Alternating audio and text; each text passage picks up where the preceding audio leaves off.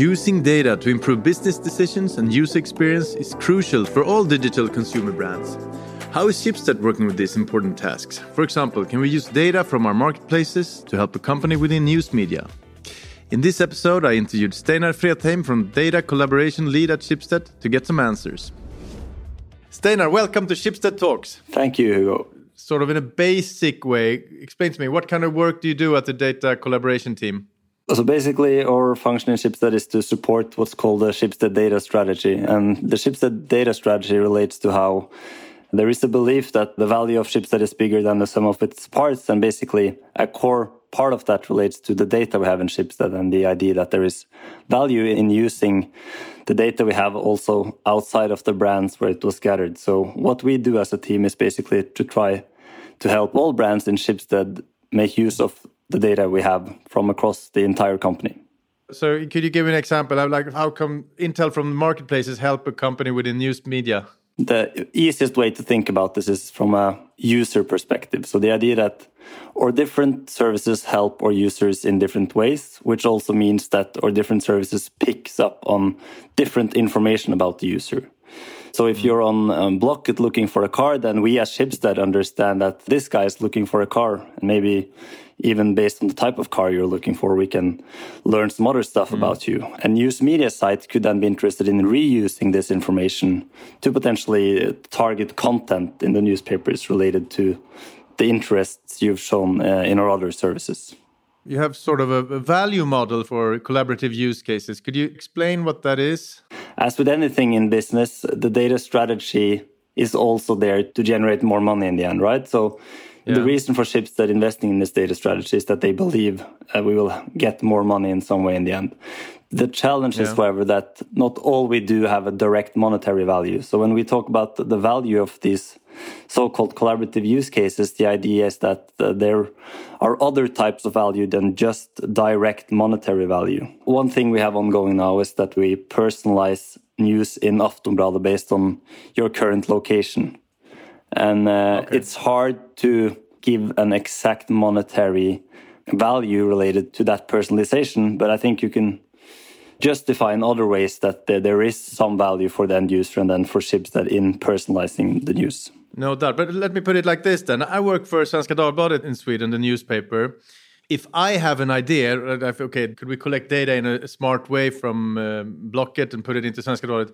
How does it work? I contact the data collaboration team. Who decides if the idea is something to to work with or not? How does it work? Yeah, that, that's a good question. I think a key thing to mention there is the fact that we are actually happy to have a lot of stuff go on without us being involved, even. So if you have the necessary skills and knowledge already to make use of the data, then we're totally fine to have you do that on your own. But then, of course, yeah. if you want to have our help, then it could come down to us prioritizing between different options. But we will always try to help everyone to some level. And then, of course, how much we get involved will depend on the extent to which we have other ongoing projects.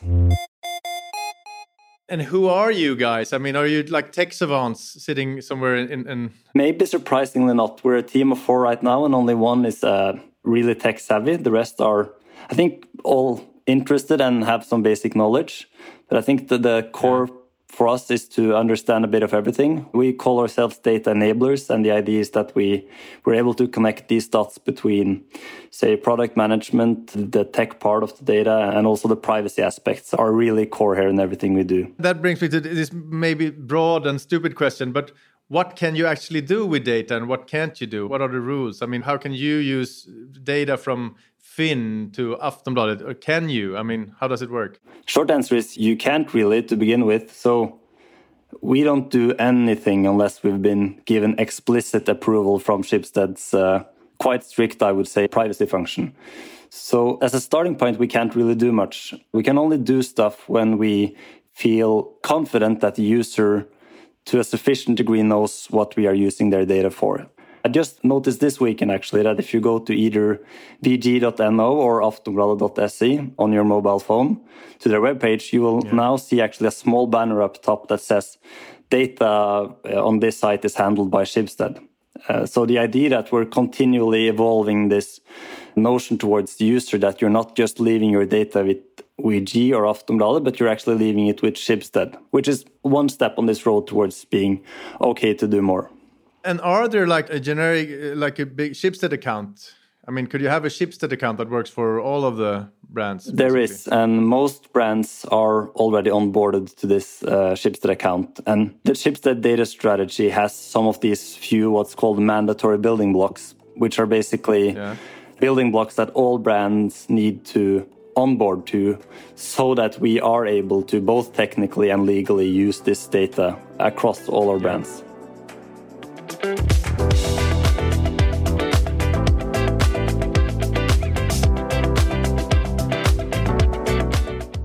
if I have an idea that it's not exactly finished, I just have a general vague idea how, how I think I, you can help me earn money for Svenska Dagbladet. Can I come to your team and uh, you help me sharpen it? Absolutely. So I think you can even come to us without an idea. We're basically okay. traveling around. I just want to make more money. yeah, you almost can. So we're, we're not traveling around physically anymore, of course, but digitally we are. And we are reaching out to brands and having them explain what their current problems are. And then we try to help them uh, figure out whether we can be of any help. Sometimes we can, sometimes we can't. But uh, I think most brands uh, and people in Schibsted and elsewhere have enough on their plates that it's hard to bring this additional potential, a bit vague avenue into their day to day work. So we try to kind of help them figure out whether there could be something for them there. You talk about unlocking value. Could you elaborate on that? What sort of values could that be? Of course, value in its most specific term in, in the most specific ways. Of course, monetary value, as we talked about before, but then that's not always the case that we have direct monetary value. Sometimes we have uh, less tangible value. So the idea that uh, the, the user gets more engaged because we have created a more personalized experience for them. We also talk about that as value. So personalizing of news, or say you go to Prisjakt and you have a product recommendation that is personal to you. That's not necessarily a super tight connection to the monetary value, but it's still user value. And to take a very different example related to the more the collection of data, we are really focused in Schibsted on driving the login rates. And that's because, of course, that will help us personalize stuff because we know more about who you are.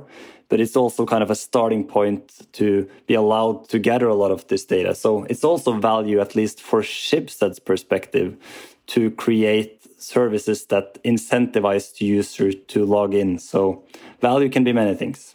Listening to Kristin Skogen Lund, she talks about sometimes that the big social media giants are sort of the enemy that we're up against, Facebook not least. But this sound a bit like how Facebook works. I mean, what's the difference between what you do and what Facebook do?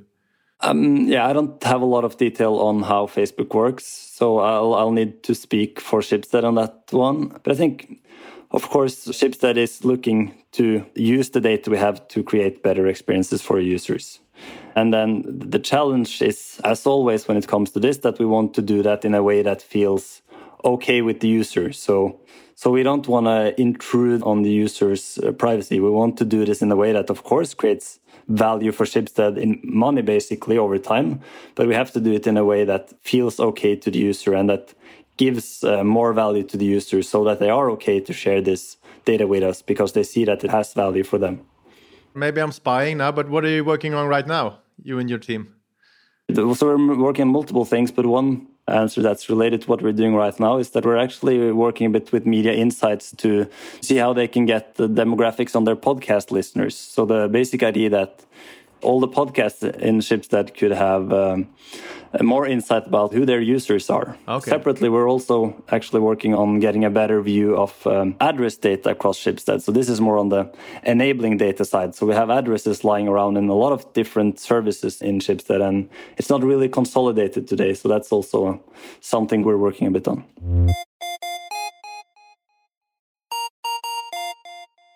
We're talking to each other. You are at home, I can see. How has the pandemic treated you and your team? How are you doing? I think it's uh, ups and downs, as with the most teams during the pandemic. We're uh, to some degree more effective, I guess, because there's less time waste, one could say. But that time waste is actually, I think, maybe particular for us, uh, also an important uh, source of ideas. So by time waste, I mean, of course, the coffee machine chats. The water cooler. The water cooler that we don't. Yeah, and that's where you get creative. yeah. I totally agree with you. There's less, um, what do you call it? Time waste, but we, we lose so much creativity by being by ourselves for us as a team that's being kind of the entire idea is that we we help the brands and Schibsted come up with good ideas or help them develop the ideas they already have by adding this extra dimension. I think for us it's of course been a bit of a challenge to not have these random encounters uh, happen anymore. What do you do to keep your own and your colleagues the spirits high so to speak during these times? Internally in the team we've ramped up a bit um, to be super concrete, we have a daily stand up from quarter to nine to nine to nine every day, just to yeah. kickstart the day where we're all uh, encouraged to walk outdoors during that stand up. I think that's one concrete action we've taken. Yeah, that's good. That's and on the social side, we also had a few baking uh, sessions where we've uh, tried to to do stuff uh, as a team. Then, of course, when it comes to interacting with the brands, it's about still reaching out, using Slack for what it's worth, and booking meetings because you don't get the the coffee chat encounters. You need to rather book people to talk to them. And are you quick? Say that I come up with my great idea for you and your team tomorrow. When can you make it happen? That depends a lot on what the idea is. The idea is great. The idea, if the idea is great, we can of course we can get started straight away. I think there's, yeah. given we are four people, there is quite a bit of flexibility in the team, so there's definitely room to start working fast on great ideas and at least to have an initial exchange on on how we can work with it. Then I'm going to start writing on it. Start writing on my idea and get back to you tomorrow morning. Do that. Steinar, thank you so much for coming to Schibsted Talk. Thank you for having me. This podcast was brought to you by Schibsted Employee Branding Team. My name is Hugo Renberg, producer was Jens Back.